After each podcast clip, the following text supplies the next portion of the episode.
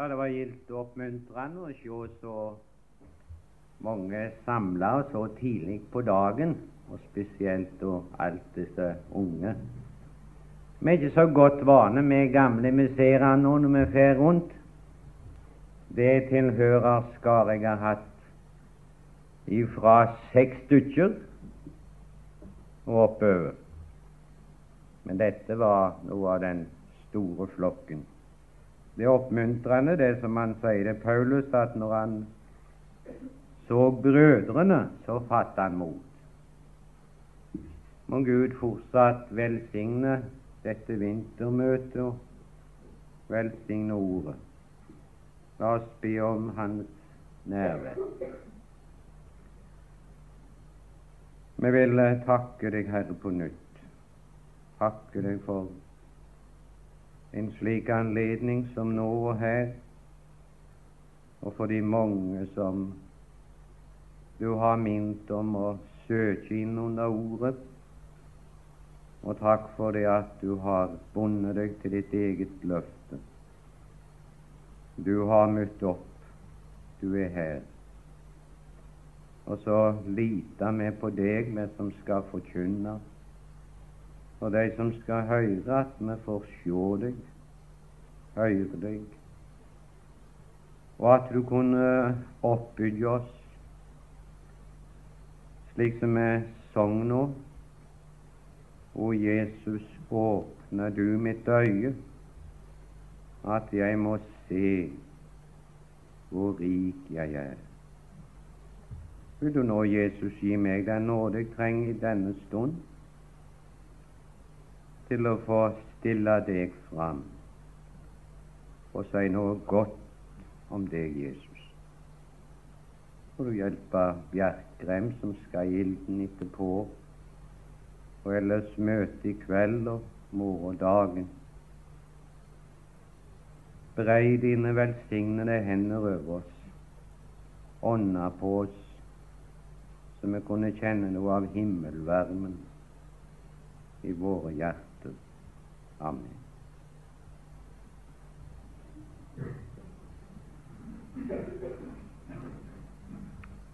Det kom litt fort på meg, dette emnet jeg gav.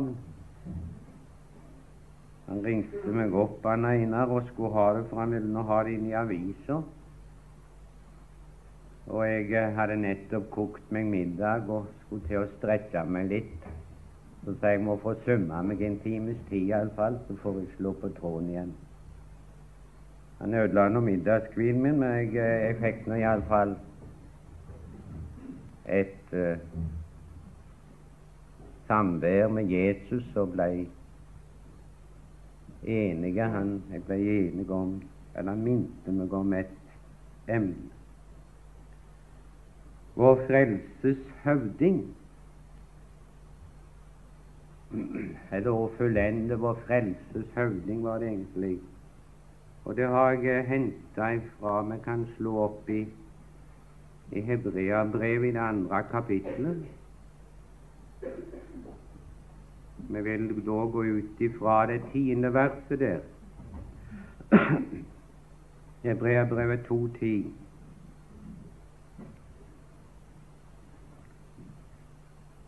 For det sømmet seg for ham, for hvis skyld alle ting er til, og ved hvem alle ting er til, da han førte mange barn til herlighet gjennom lidelser og fullende deres frelses høvding.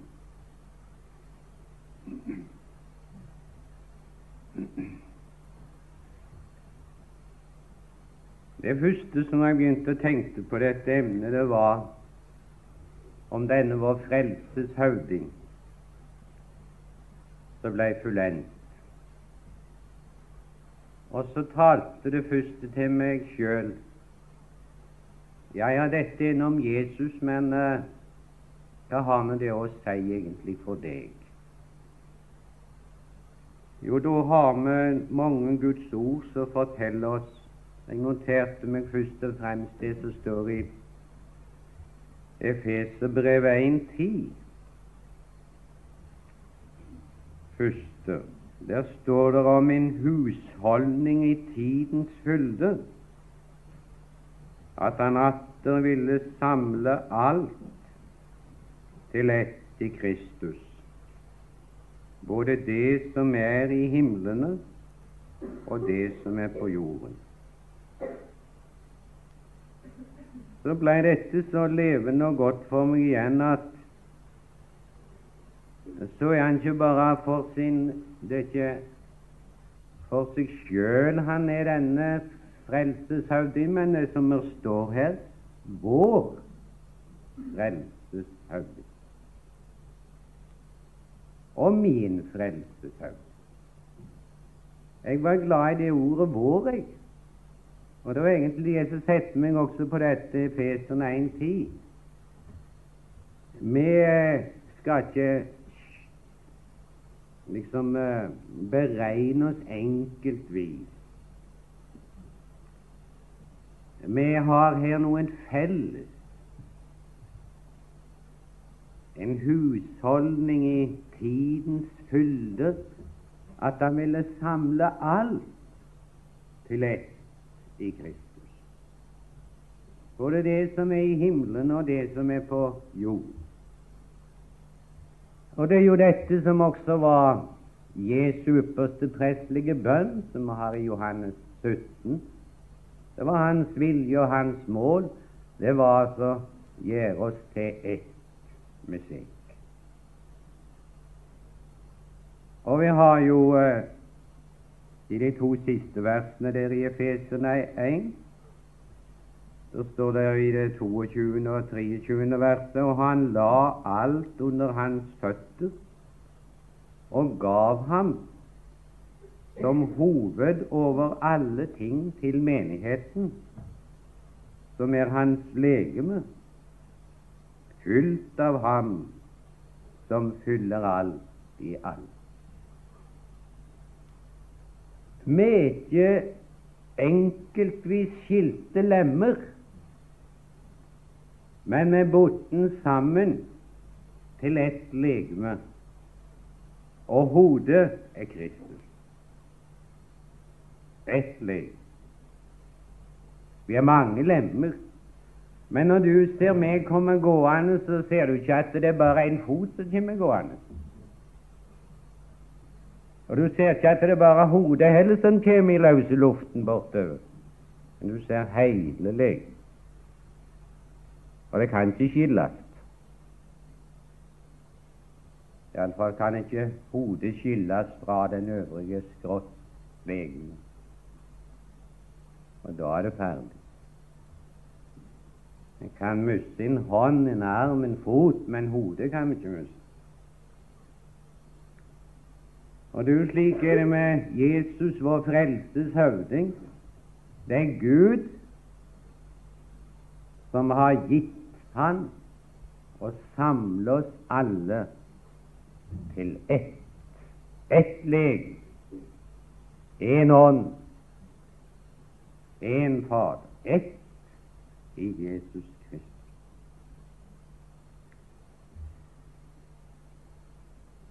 Men for å bli vår frelses høvding,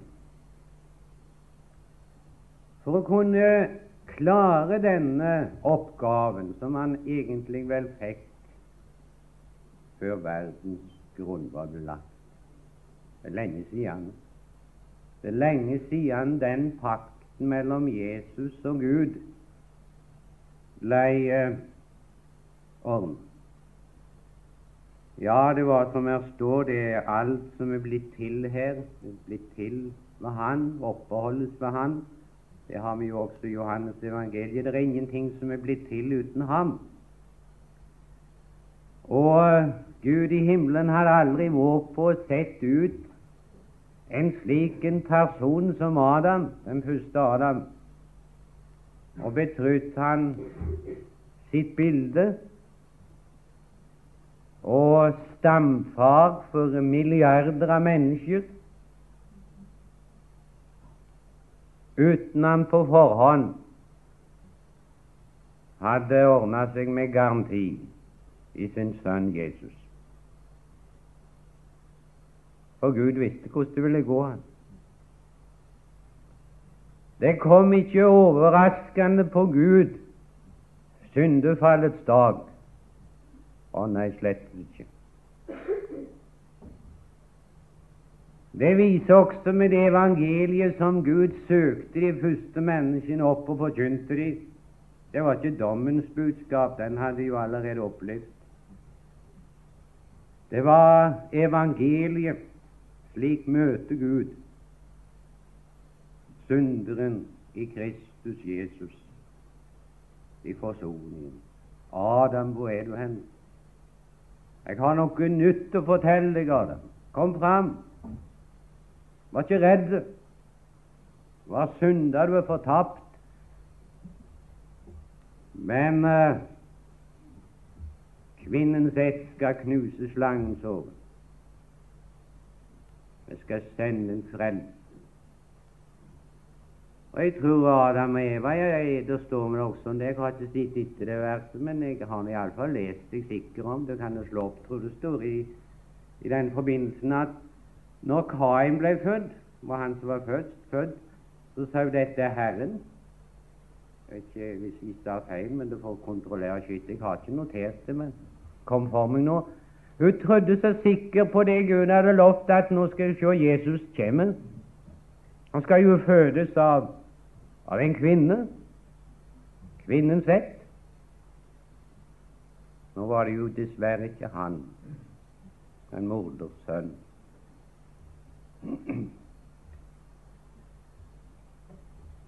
Men uh, Jesus, vår frelses høvding, for å bli dette, så måtte det løftet og denne pakten som allerede var inngått i evighet av, det måtte skje. Det måtte oppfylles. Og det som da Jesus måtte først og fremst som var hans store oppgave som frelste høvding vår. Han måtte være villig til å ta på seg den andre Adams synd, fall og alle mennesker. Han måtte være villig til å bli den andre Adam, en ny stamfar, og gjøre godt igjen det som den første hadde gjort galt. Gjøre syndefallet godt igjen. Åpne igjen paradisets port. Føre menneskene bak til Gud. Det var hans oppgave som Gud la på han. Og med det kunne vi jo dra fram flere skriftsteder for å bli en virkelig at han kunne dette. Så kunne ikke han komme ned slik som vi leser om i Johannes evangeliet, at han var Ordet. Han var jo Ordet var Gud, og Ordet var hos Gud. Men Ordet måtte bli kjøtt. Han kunne ikke komme som en engel, for Gud hadde ikke i sitt nådevalg valgt ut å frelse den falne engleverden.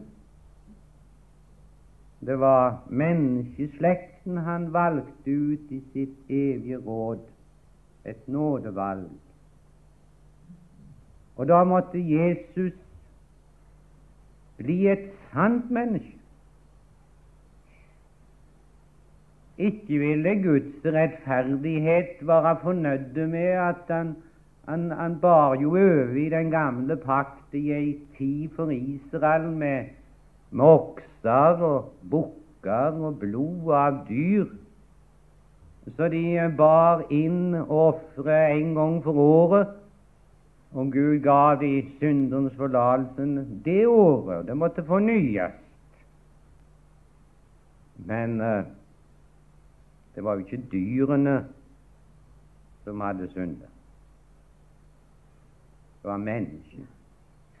Og djevelen ville vel heller aldri godta et slikt oppgjør å finne seg i.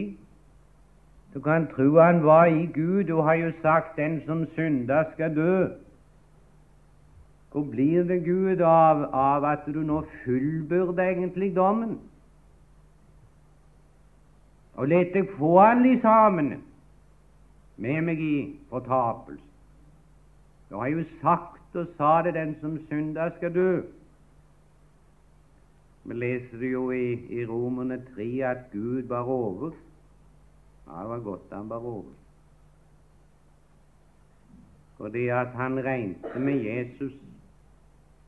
Han regnte med han. Han ser Kristus, Guds lam, slakta og dø ifra evighet av. Han bar over med de synder som før var gjort. Han let ikke dommen ramme oss, for da hadde intet kjøtt blitt frelst. Men Guds rettferdighet kravde synderen straffet. Det måtte skje en dag. Og så måtte Jesus ha et legeme. Og det sørget Gud for. Det står jo i Hebreabrevet i det tiende kapittelet Vi kunne godt lese det i kapittel ti der i Hebreabrevet.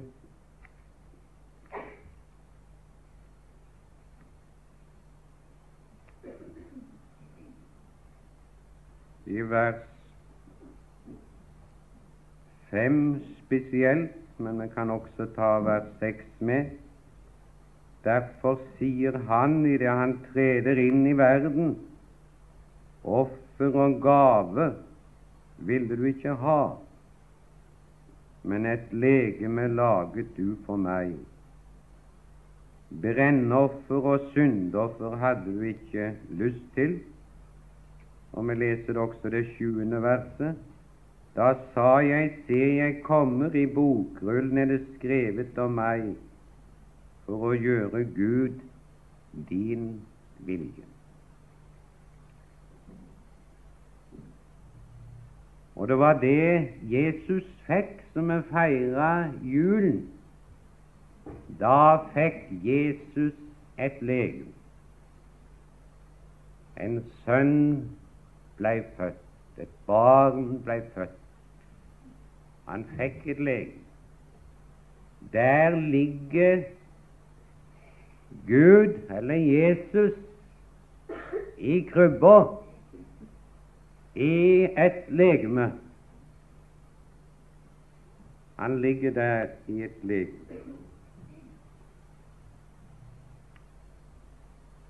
Men han er ikke, slik ser iallfall jeg, det vet ikke om alle er enige om det, men vi synger jo det 'Han er frelser min'. Det er han jo nå. For nå er det kombinert sammen, både jul og påske og pinsetid. Men hvis vi bare hadde hatt julen, da, ikke hatt noe mer, så hadde han ikke vært noen frelseshøvding. Hadde Jesus gått tilbake igjen etter bare kort tid i krybben og på jord, tilbake igjen til himmelen, forlatt det legem, så har ikke vært noen frelseshøvding for oss. Det har ikke vært fullendt, det har ikke blitt fullbrakt. Men han fikk dette legemet for å gå inn, som jeg leser om i, i Galaterbrevet. Det er vel i det fjerde, fjerde kapittelet vi leste det, i Galaterbrevet. Men da tidens fylde kom, i det fjerde og femte vers, men da tidens fylde kom, utsendte Gud sin sønn, født av en kvinne, født under loven, for at han skulle kjøpe dem fri som var under loven, så vi skulle få barnekår.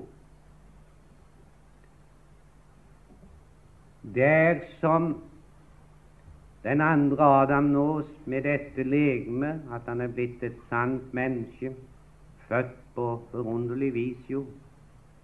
forente med kjøtt og blod, så står det han ble født ikke ovenpå loven. Han kunne jo det, han som var lovens herre. Han var jo oven i loven. Men han lot seg føde under loven. For på den måten kunne han kjøpe oss fri som også var under loven. Det var under loven. Lovens forbannelse. Den som synder, skal dø og gå evig fortapt. Og alle har synda, står det i Romerne 3, og fattes Guds ære. Jesus måtte igjennomgå lidelse under lovens krav, under lovens bud, under lovens dom, for å bli vår fullkomne frelse.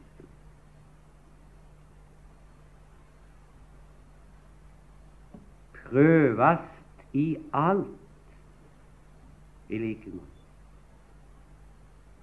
Vi har et sånt veldig ord av Paulus, det er vel i 2. Korinterbrev, i det femte kapittelet, hvis jeg ikke jeg har ikke notert meg, jeg tror det står i det Er det ikke det siste verset der? Jeg tror det er 20 eller 21. Han som ikke visste av synd, han ble gjort til synd for oss, for at med ham skulle bli rettferdige for Gud. Han skulle nå settes på den prøven som den første Adam ikke greide. Og det var spesielt lydighetsprøven. Han var ulydig, greide ikke å holde seg klar det påbud, det forbud. Så falt han. Nå skulle Jesus prøves. Og vi leser om det der eh, i, eh, i, eh, i Romerbrevet, i det femte kapitlet. Der står det om disse her prøvene. Jeg skal bare sitere En kan jo lese hele versene, men det var spesielt bare noe siste delen av det. Jeg tenkte på det 14. verset. Men allikevel hersket døden fra Adam til Moses også over dem som ikke hadde syndet, i likhet med Adams overtredelse, han som er et forbilde på den som skulle komme. Og det står i det 19. verset for liksom de mange er blitt syndere ved den ene menneskes ulydighet, så skal også de mange bli rettferdige ved den enes lydighet. All rettferdighet måtte oppfylles av Jesus. Han måtte gjennomgå alt.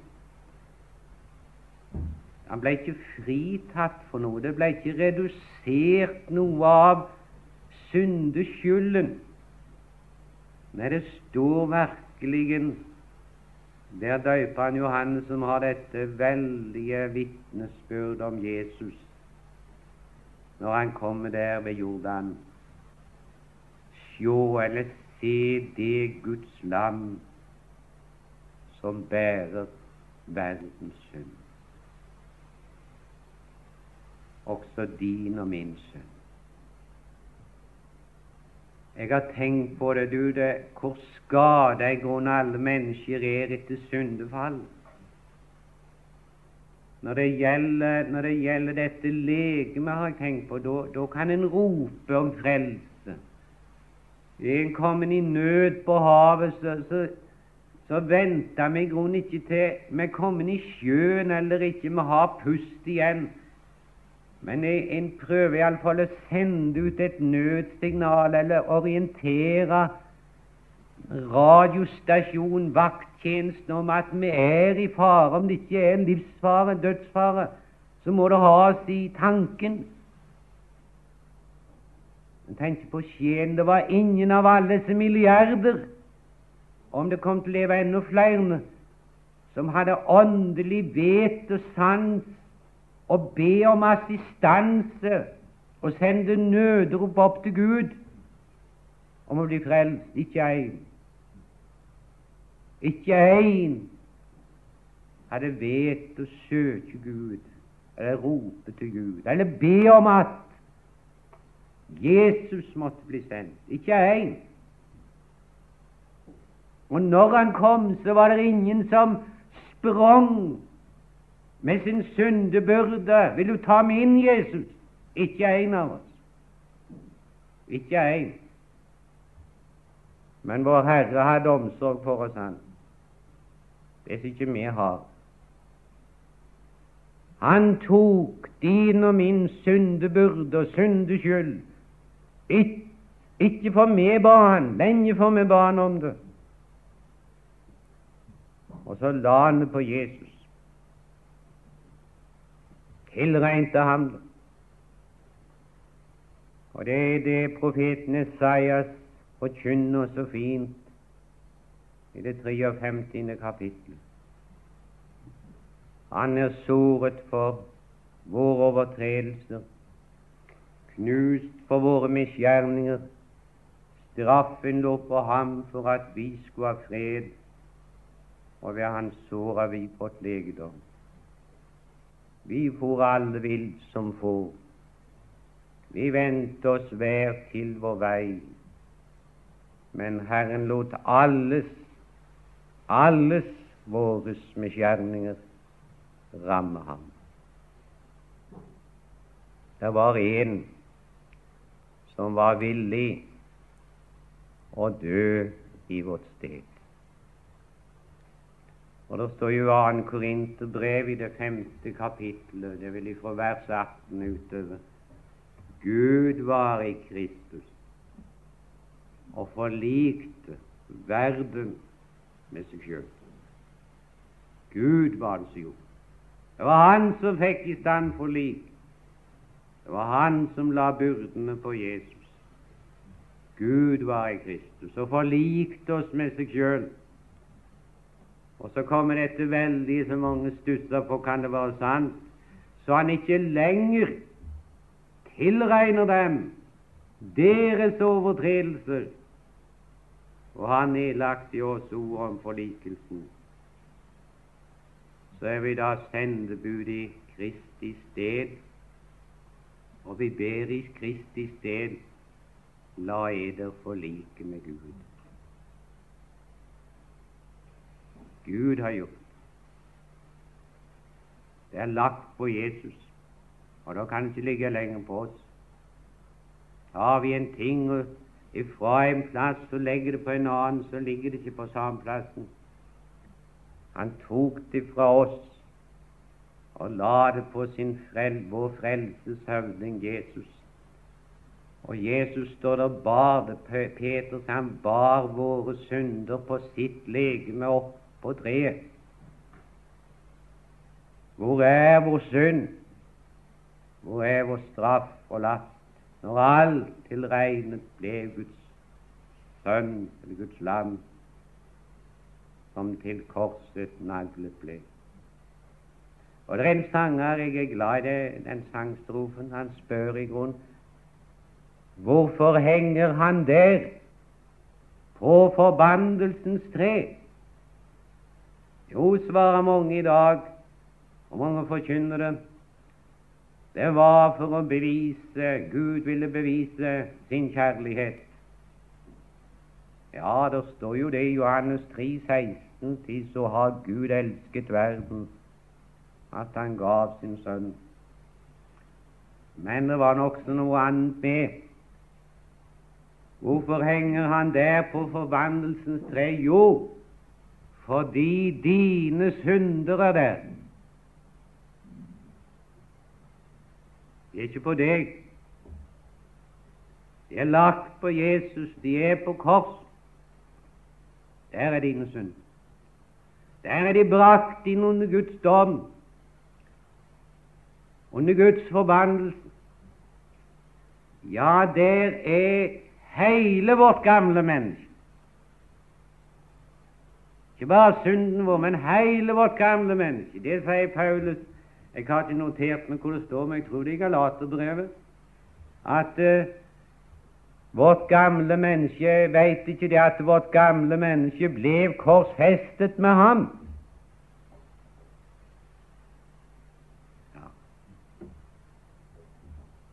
Vårt gamle menneske, syndelig, det ble gjort av med ham på korset. Der det sin død, sin dom. Jeg er korsfestet med Kristus, sier Paulus. Jeg lever ikke lenger selv, men Kristus lever i meg. Og det liv jeg nå lever, som er frelst, det lever jeg i troen på Guds Sønn, som elsket meg og gav seg selv for meg. Ja, jeg tror Gud så bokstavelig jeg er, så innfoldig er glad for det, at når Gud ser meg nå når jeg ble født på ny, så ble det også en virkelighet og en kjensgjerning for meg at ifra den dagen jeg tror Gud regna det regna meg ifra evighet av i Kristus, det er ikke så å forstå. Jeg er ikke kommet inn i Guds evige frelsesplan. Men uh, den dagen jeg mottok Jesus Kristus og, og, og hadde avgått med, ved døden, ved loven Loven slo meg i hjel, og jeg døde.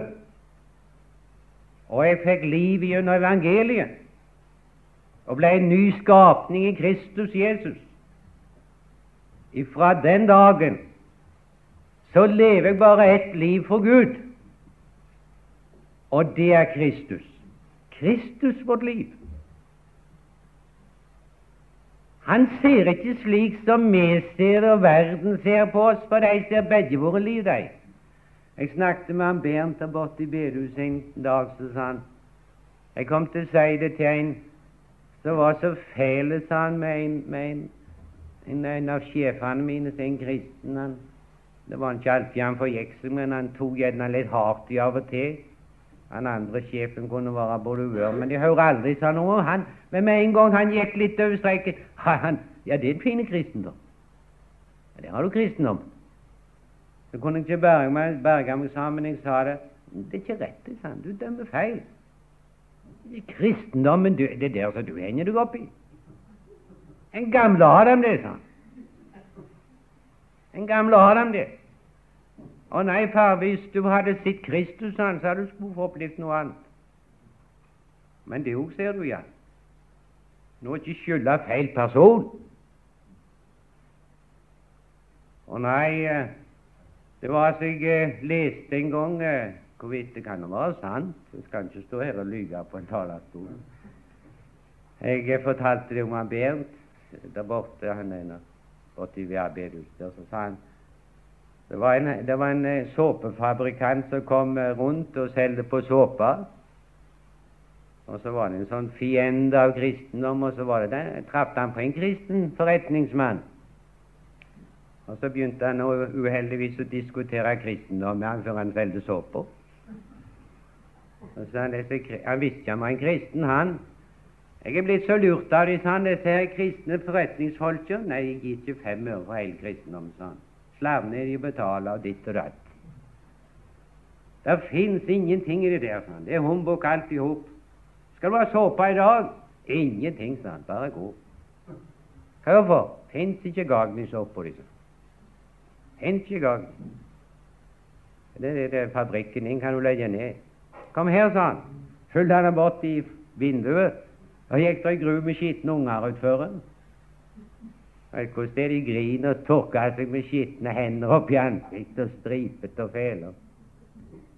Se hvor skitne er, han. Det fins ikke gagn i såpa di. Få de inn forbi, sa han. Har du vann? Så skal jeg få de rene, jeg, sa han. Ja, ja, slik er det med kristendommen òg, sa han. Den som kommer inn under lammets blod, sa han, han blir rensa hvit som sne. Det er kraft i Jesu blod. Du må ikke skylde på såpa, sa han. Du må ikke skylde på blodet, på kristendom. Det er ikke den som det er feil med. Vi er ikke kommet inn under og blitt renset. Men i Guds øyne Vet du jeg, da lever jeg, som jeg sa, bare ett liv. Ett liv. Og da er Gud så glad i oss. Jeg sa det en kveld inn på Falkøy der inne om kvelden. Jeg sa det, jeg tror vår Herre er så glad i som jeg har sett på ei datter mi nå som fikk en førstefødte. Ja, nå heller det ikke plan heller. En barnepleier skal ha lært litt å stelle av unger. De skal følge klokka ditt og datt med mat og vask og stell. Men nå tok han opp rett, så jeg la han ligge seg. Du må holde programmet. Og jeg greier det ikke sånn. Han er så kjekk. Jeg greier det ikke. Ja, jeg, jeg er så barnslig. Jeg tror vår Herrevenn, når Han ser oss gjennom Kristus, så ser Han oss så herlig at Han må tas opp. Og mange tar Han tidlig, og Han syns Han tar de beste som Tar de hjem, åndelig talt, og vil kose med de på forhånd i sin nåde. Han har elsket oss med en evig kjærlighet i Kristus Jesus. Klokka går der når jeg ikke kommer halvveis i papiret mitt.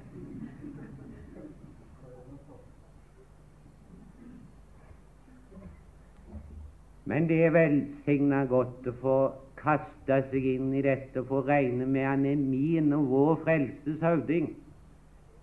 Og nå lever jo vi i det fullbrakte. Det er noe som er, som er gjort. Hans lydighet, som han bestod, det er vår rettferdighet. Loven så full. Greier du å være lydig? Er det ikke der det svikter i grunn for oss? Ulydig. Han har bestått prøven. Han trengte ikke være lydig for seg sjøl, Jesus, for han greide å være lydig. Han kunne jo han kunne gjøre skam på loven, Jesus, og gjorde skam på loven. Men han gjorde det for oss. Det var i ditt og mitt sted. Det var for oss. Og du, nå kan vi leve dette fullbrakt. Han har greit det, Jesus. Han har bestått prøven. Det er fullbrakt. Han ropte på korset 'Det er fullbrakt'. Det er vårt fullbrakt. Det er mitt. Jeg har fullbrakt den, Gud. Han har gitt meg så jeg kan svare et nei til loven i Kristus Jesus. Kan jeg si nei? Du har ingen rett på Du kan ikke dømme. For det er ingen fordømmelse for den som er Kristus Jesus. Og i Romerne 8,3 det ble løsningsordet mitt når jeg ble frelst. Jeg har gått der og strevd i ukevis, ikke fikk det til verken å omvende meg skikkelig eller tro eller gråte. eller Syns alle de andre har fått det så storarta til. Sa det meg noe du ikke for på deg, sa jeg. Du, du har det både anger du, og tårer og en grundig omvendelse og tro og alt mulig. Jeg har ingenting, jeg er sin hedning kald og hard og ugudelige. Det er én ting det er å synde imot Gud, jeg kan, men jeg, jeg lengter etter fred. Jeg greide ikke, jeg er fortapt. Jeg måtte få alt av ingenting. Frelst av uforskyldt nåde. Og så fikk jeg det ordet Roman 8,3. Det som var umulig for loven. Det var maktesløs ved kjøtet, det gjorde Gud. Idet han sendte sin sønn i syndig kjøts lignelse, og for syndens skyld og fordømte synden i kjøtet, for at lovens krav skulle bli oppfylt i oss, vi som ikke vandrer efter kjøtet, men efter ånden. Da kunne jeg rope halleluja. Det var at jeg var sluppet ut av et bur, ut av et fengsel, og det var godt. Jeg var fri. Virkelig fri. Fri fra nøden, dommen og døden. Amen, halleluja. Jeg var fri. Men jeg hadde ikke fått sitte før. Men da fikk jeg se det. Alt dette som jeg ikke greide og hadde aldri greid og aldri fått til, og du heller ikke. For det er ikke materialer i oss. Jeg forstår ikke folk som går ennå og baler med seg sjøl og tror de kan bedre enn vår Herre. Ja, det tror de. De tror de er bedre meister enn den evige Gud, den allmektige Gud måtte jo gi opp. Og så tror de bedre enn Han skal få skikk på dette gamle mennesket og pynte og, og, og stelle med det og, og ber og leser og Jo, jeg skal greie det. Det gikk dårlig i dag, ut, men venta i morgen. Og får noen år på meg, så skal det bli skikk på meg. Da skal jeg bli bedre. Det kan du blunke på, hadde jeg nær sagt. Ja, sa du. Nei, en dundrende dom over det gamle mennesket. Hvem hadde greit? Nei, Gud hadde nok spart Han sendte han ikke for moro til jord. Det var ikke et skuespill, Golgata. Det var ramme alvor. Skal mennesket frelses, Jesus, så må du gjøre det. Det er ingen som greier Ikke én. Og jeg står maktesløs, sier Gud. Jeg greier ikke med min lov. Ikke om jeg heller de over helvete én for én, så slutter de å synde og eller begynner å elske meg. De greier det ikke. Om jeg skremmer dem med alt mulig. Loven er maktesløs. Fullstendig maktesløs. Det var en som sa til meg en gang, han hukte meg etter et møte. 'Vil du komme til middag?' sa han tenkte ja, det er en god middag å gi meg, men det var ikke egentlig det. Det var loven han ville diskutere. Det var ikke middag. Og Så sa han jeg var ikke enig med deg, sa han, for jeg har hatt voldsomt god nytte av hjelp av loven. Ja, da er du den første, sa jeg, for jeg finner ingen i Bibelen som har hatt noe nytte av den. Den er farlige loven, sa slo meg i hjel, og håper han slår deg i hjel òg. Den nytta du skal av den. Er du gal, sa han.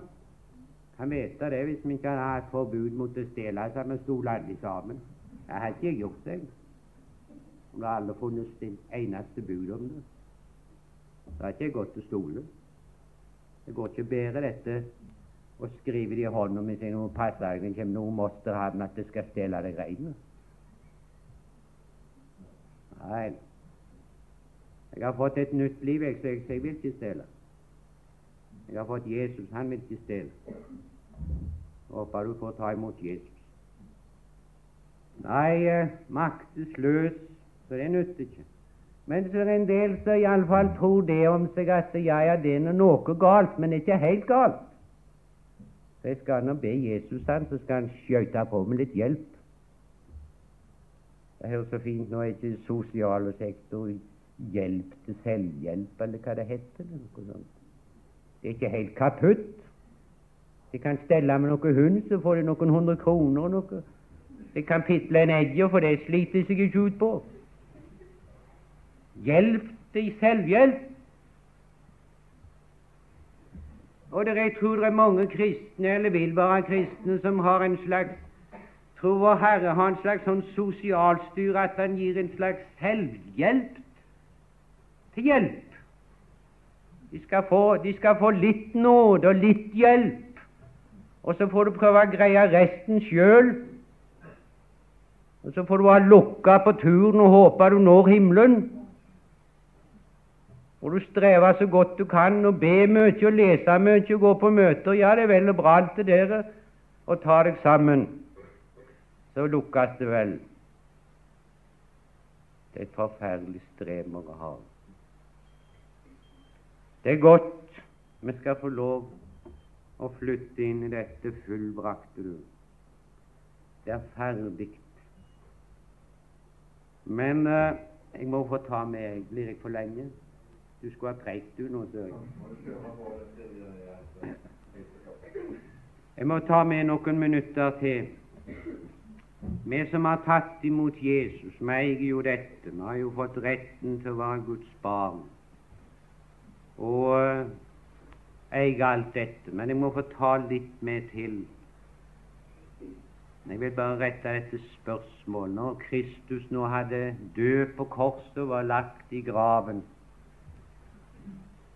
var han virkelig nå fullendt? var det ferdig. Det eh, trenger jo ikke jeg svare på, det vet dere like godt som jeg. Men vi vet det at uh, det var ikke ferdig med det. Jesus måtte stå opp igjen. Paulus inne på det vet vi i oppstandelseskapitlet i 1. Korinterbrev 15. Hvis ikke Kristus er oppstandelsen, så er vi ennå i våre synder. Og da er også de fortapte som er hensovet i Kristus. Jesus, han måtte ta liv igjen. Livets første må ta liv igjen. Han måtte avvæpne Satan. Han måtte uskadeliggjøre døden og legge døden under seg. Og det har Jesus gjort. Det var ingen som tok hans liv. Han setter det til frivillig, og han hadde makt til å ta det igjen. Og reiste seg opp på graven, eller Gud gjorde det. Og så for han til himmelen. Ja, han måtte til himmelen, ikke som ordet, men i vårt kjøtt og blod måtte Jesus inn og sette seg ved Faderens høyre hånd i det høye. Da først var han fullendt. Det er da først vi får det hele kraften og fylden. Da først kunne også det løftet å gå i oppfyllelse. Da kunne han sende oss sin Hellige Ånd. Da. Og det er Den hellige ånd som alene kan gjenfø, vekke, gjenfø og skape Gud et nytt folk, en brud, en menighet som kan leve for Gud. Det nytter ikke med kjøtt. Og det nytter ikke som vi lever opp i våre tider. Nå skal de skape folk om til nye mennesker med underholdning, som er lite kristelig mange ganger med alt mulig skrammel og spill, underholdning i kirker og bedehus. Snart er det skuespill i kirken nå de begynte. De skal få det omvende folk, og de skal få pynta en Kristi brud. Men jeg er redd for ja, ja, det kan bli en del dårlige jomfruer, men det blir ikke liv folk. Vi må begynne å komme tilbake til troen på Den hellige ånds makt. Jesus er Faderens øre, han har sendt sin ånd, og vi må våge oss akkurat som Peter, om det er nå på lyse dagen, om det ser aldri så dårlig ut til vekkelse, og om gatene våre Bjerkreim kan være dårlige. Ja, gatene er ikke dårlige, men båten kan være skrøpelig, fiskeren en dårlig kar. På ditt ord, Jesus, på ditt ord skal det lukkes, skal bli fangst. La oss ikke fyke etter denne nye moten, men la oss holde fast på det gamle budskap om Kristus Jesus. Det er kraft. Evangeliet er en Guds kraft til frelse. Du finner ikke i Bibelen at det og det er en Guds kraft til frelse, men evangeliet og det skal vi få gå med. Og det er kraft til frelse, og det er kraft til å bevare oss. Vi kan ikke bevare oss sjøl. Kjettingen tror jeg, det er ikke vår tro, det, men det er Guds makt. Skal holde oss oppe. Og ankerfestet, det er Kristus, det. Ankeret som er innenfor forhenget. Det skal holde i alle stormer. Du kan være ganske trygg. Frykt ikke. Han holder fast oppholdes ved Guds makt. Så vi kan summere det opp til slutt med at vi, vi har fått noe som er der står i Roman 8, 32. Du og jeg som har tatt imot Jesus og ikke har noe annet til frelse. Der står det i Romerbrevet 8, 32. Nå kan ikke Gud noe annet enn han må gi oss alle ting med ham. alle ting med vår frelses høvding. Hans seier er din seier. Hans lovfølelse din lovfølelse. Hans død er din død. Hans oppstandelse er din oppstandelse. Ja, det står det, er det ikke i Romerne 6? Ja, det står det om vårt gamle menneske som ble korsfesta, og og med død. Men er vi døde med Kristus, da tror vi også å leve med ham, fordi vi vet at etter at Kristus er oppstanden fra de døde, dør han ikke mer. Døden har ikke mer noen makt over ham. For sin død, den døde han for synden, men sitt liv det lever han for Gud. Således skal også I akte dere som døde for synden, men levende for Gud i Kristus Jesus. Og I Efeserne 2, det er jeg veldig glad i, der står det også at vi som var døde, vi med Guds store miskunnhet og kjærlighet gjort levende med ham, enda vi var døde. Levende med ham, oppvakte med ham. Og så er det ikke slutt med det, men det står han satte oss med ham i himmelen, i Kristus Jesus. Og hodet er jo kommet til himmelen, det. Og hodet kan ikke skilles ifra det øvrige legemet, så er også med det, da. For det må jo fullst. Ellers hadde det jo gått galt både med Kristus og oss. Ett leg. Så er vi satt i himmelen i Kristus Jesus. Og det var jo der han gikk inn, som det står i Hebreabrevet i den ene kapittel. Jeg skal bare lese det til slutt, så skal jeg gå ned. I Hebreabrevet 9 for Kristus gikk i 24. verset, kan vi lese de versene til slutt. For Kristus gikk ikke inn i en helligdom som var gjort med hender, og bare var et bilde av den sand, men inn i selve himmelen, i selve himmelen, for nå å åpenbares for Guds åsyn for vår skyld, for vår skyld. Og heller ikke for at han flere ganger skulle ofre seg selv, således som ypperste presten hvert år går inn i helligdommen med fremmed blod, står det. Ja, det var fremmed blod.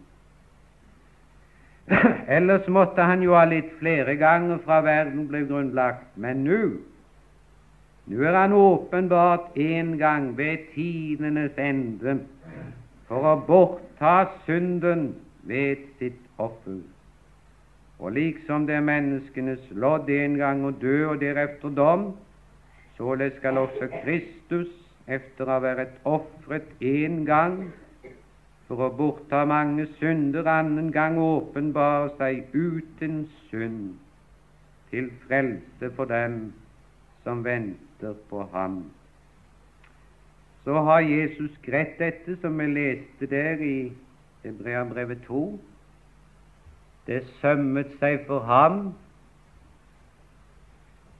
og gjennom eh, lidelse, da han førte mange barn til herlighet gjennom lidelse og fullende deres frelseshøvding. Den første Adam førte alle ut av paradis i synd og elendighet, i sorg. Jesus har greit og ført barna inn til Gud. Har ført dem Har ført dem der. Kjære Herre Jesus, vi vil takke deg for ditt fullbrakte verk. Det er ingenting som gleder min sjel slik som dette, Herre. For å senke meg ned. Da blir det en trang i mitt hjerte om du vil åpne synet på alle disse som lever i blinde, som ikke frelst. De òg har del i det, men de har ikke tatt imot det. Og det var for alle du gjorde dette. Og hvem som helst kan bli frelst. Og du sier det kom, for nå er det ferdig. Skal du se noen her, Jesus, i denne forsamling som ikke er frelst, vil du gi dem et nådekall på nytt nå.